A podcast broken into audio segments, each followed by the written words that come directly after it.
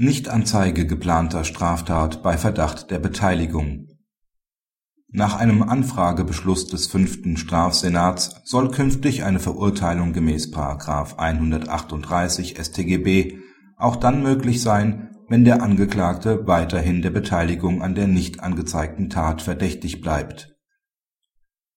Der Angeklagte war vom Vorwurf der Beteiligung an einem Raubüberfall unter Anwendung des Zweifelssatzes freigesprochen worden die Strafkammer verurteilte ihn daraufhin aus § 138 StGB, weil er den Überfall, von dem er zweifellos Kenntnis hatte, nicht angezeigt hatte. Der fünfte Strafsenat beabsichtigt in der Revisionsinstanz, die Verurteilung durch die Strafkammer aufrechtzuerhalten. Daran sieht er sich jedoch durch die entgegenstehende Rechtsprechung anderer Senate gehindert, denn danach ist eine Strafbarkeit aus § 138 StGB bereits tatbestandlich ausgeschlossen, wenn der Angeklagte nach Abschluss der Beweisaufnahme der Beteiligung an der nicht angezeigten Tat verdächtig bleibt. Der Angeklagte bleibt in derartigen Fällen bislang straffrei. Nach Ansicht des fünften Strafsenats sollte diese Rechtsprechung aufgegeben werden.